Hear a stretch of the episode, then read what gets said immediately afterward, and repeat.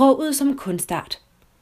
Jeg vil mene, at sprog er en kunstart på linje med alle andre kunstarter, i det det udmærker sig ved at skabes, når forskelligartede følelser kommer over os. Det udfolder sig ved improvisation, nogle gange med en klar retning, andre gange uden vi kan forestille os, hvor det ender. Det er en kreativ proces, hvor alle de redskaber, man har til rådighed, bliver anvendt. Vi udstyres alle med evnen til at tale og udtrykke os med sprog.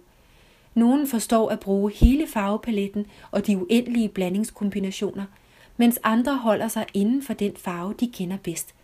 Det skal jeg ikke blande mig i. Blot gør opmærksom på, at der er mulighed for at udfolde vores sproglige kunden og talent, og dermed påvirke vores fremtoning og lytterskare. Vi kan tale i toner og billeder og åbne verdener for andre med vores ordvalg. Vi kan inspirere, og vi kan have sproget i vores magt.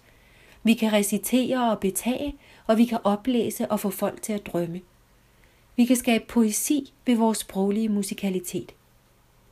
Hver dag har vi dette utrolige redskab ved hånden, og vores sproglige bevidsthed afgør, hvordan vi kommer til at bruge det.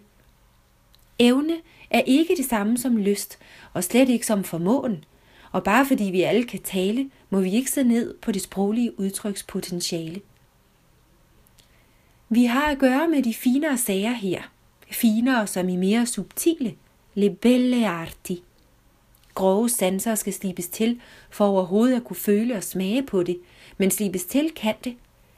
Dit sproglige udtryk er træning, og du kan komme i form med dit fokus, din prioritering og din bevidsthed. Du kan starte med at blande lidt hvidt i.